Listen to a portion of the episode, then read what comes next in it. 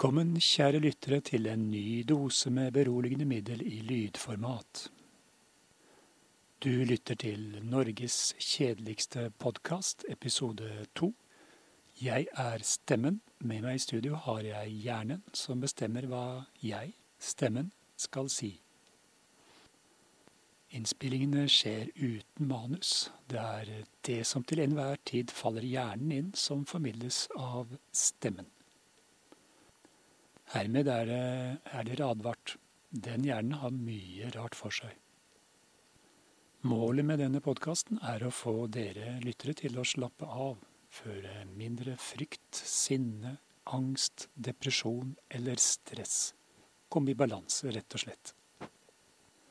Hjernen er dessverre, eller kanskje jeg skal si heldigvis, stum. Og nå gir han signal om at han har noe på hjernen. Så da får jeg trå til igjen og gi lyd til disse tankene han kommer med.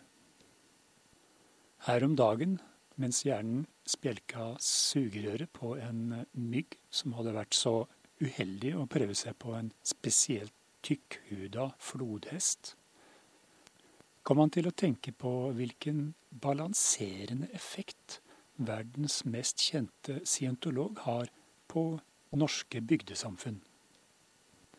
Det å bo i en liten bygd i Norge mellom høye, dystre fjell og mørke, skumle fjorder kan jo fremkalle angst, frustrasjon, stress, depresjon og til og med sinne i befolkningen.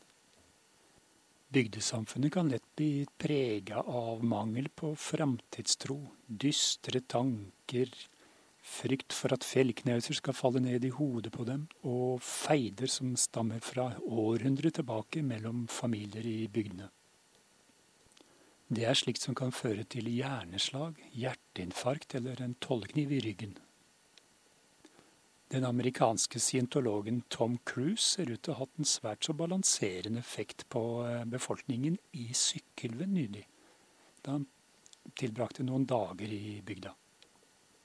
Hjernen registrerer at bygdefolket har slutta å kjøre motorsykler utfor høye stup i ren desperasjon. Dette er jo en bygd som kun har møbelindustri å lene seg på, pluss en transformatorprodusent og noe skarve småindustri, så det er jo ikke så mye å glede seg over og se fram til der i gården. Alt snudde etter at scientologen lot, seg, lot tennene sine avbilde med armen rundt lokalbefolkningen. Deretter var det bare smil og glede og latter med håret til værs og sol i øynene på hele lokalbefolkningen. Frustrasjonen har begynt å slippe grepet selv på de som syns at bygdevåpenet ligner på en eh, rumpesprekk sett ovenfra. Folk stikker ikke lenger tollekniver i ryggen på hverandre på lørdagskveldene. Skuldrene er ikke lenger trygt sammen over ørene, men henger avslappet ned omtrent på hoftenivå. Nå er det avslappet ro, balanse, glede som preger den før så knugede bygda. Alt takket være en verdenskjent scientolog som hjernen bemerker også har gjort seg bemerket som skuespiller i ny og ne. Hjernen har nå et forslag å komme med til norske styresmakter for å løfte spiriten i bygdesamfunn rundt om i det langstrakte.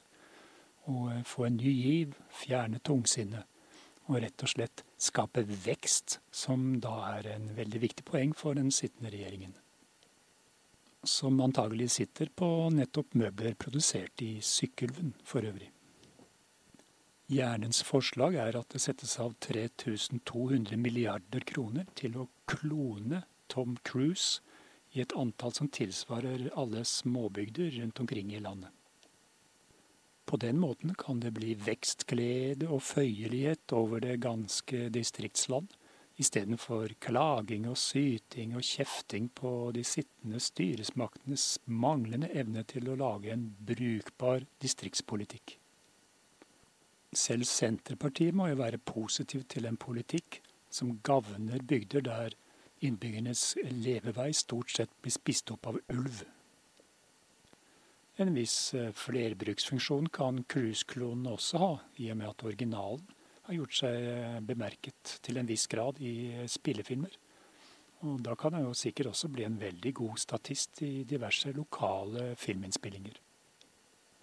Hjernen ber nå alle dere som bor i små bygdesamfunn rundt i Norge, om å trekke pusten dypt inn gjennom nesen og slippe den langsomt ut gjennom munnen med et lite stønn. Ah. Hold øynene lukket og se for ditt indre blikk for deg en liten film av Tom Cruise som hopper i langsom kino utfor et av de høye fjellene som omkretser den lille fillebygda di og cruiser i lange, langsomme sirkler ned mot sentrum. Som en kondor. Cruise smiler bredt ned mot dere, så bredt og hvitt at hele bygda lyses opp av et gnistrende lys.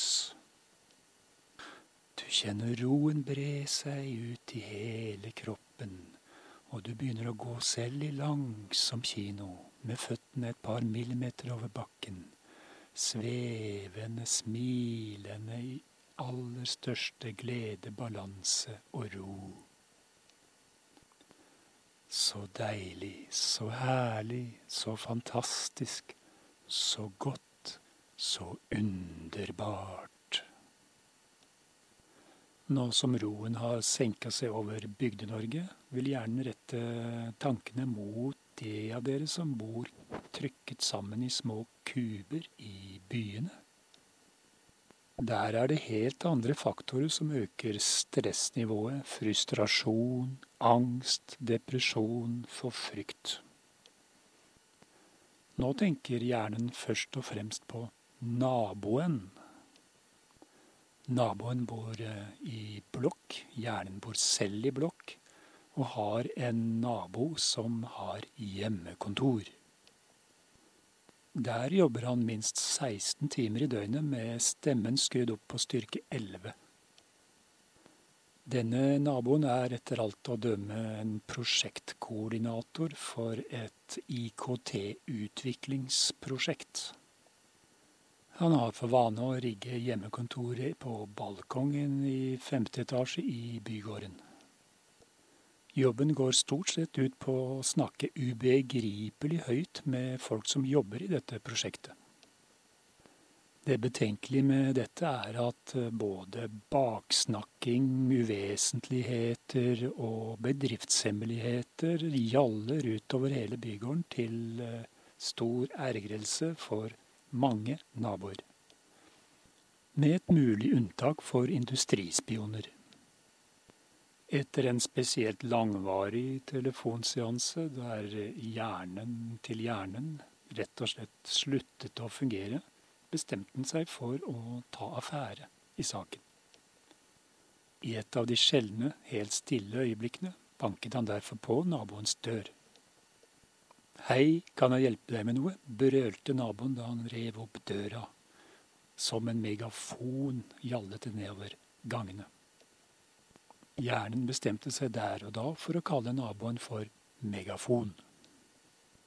Hjernen hadde med seg stemmen, dvs. Si meg, for å kunne formidle til mannen hva han ville ham.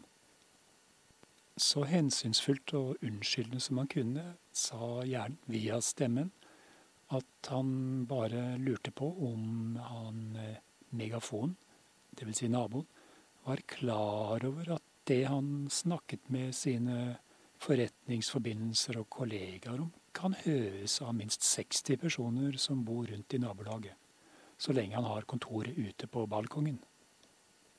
Og at han kanskje ikke hadde tenkt over at det kunne være forretningshemmeligheter som ikke var for andres ører. Å ja, det visste jeg ikke, gaula hans og hjernevingene bestod å skjelve i tre minutter etterpå. Jeg har visst en tendens til å snakke litt høyt, gapte han. Det kan kanskje være en idé å flytte kontoret inn i leiligheten og lukke døra, ymtet hjernen frempå. Ja, det var en god idé, skrallet det. Takk for at du sa fra. Etter det har det bare vært en dyp buldring å høre i bygården, og en svak risting i dører og vinduer. Det har jo en beroligende effekt i seg selv. Nå slapper alle av, smilene har bredt seg og går oppover istedenfor nedover, og alt er i balanse igjen i bygården. Hvis naboen ikke er til å snakke til, kan du kanskje eksempel prøve å lage motlyd. Det kan være The Screaming Blue Messiahs med This Could Be A Happy Home, gjennom høyttalere av gigantstørrelse som du plasserer ute på din egen balkong rettet mot naboen. Det vil med stor sannsynlighet tvinge naboen til å måtte flytte hjemmekontoret sitt inn og stenge døra, slik at han i det hele tatt skal bli hørt over musikken. Og da kan du lene deg godt tilbake i godstolen og lukke øynene og sette på Norges kjedeligste podkast og kjenne roen senke seg i stua. Ah. Mm. Da avslutter hjernen med de kloke ord fra Lars Saabye Christensen fra en bildebok med fotografier der han satte tekst til bildene. Ta det med ro. Du kommer tidsnok for sent.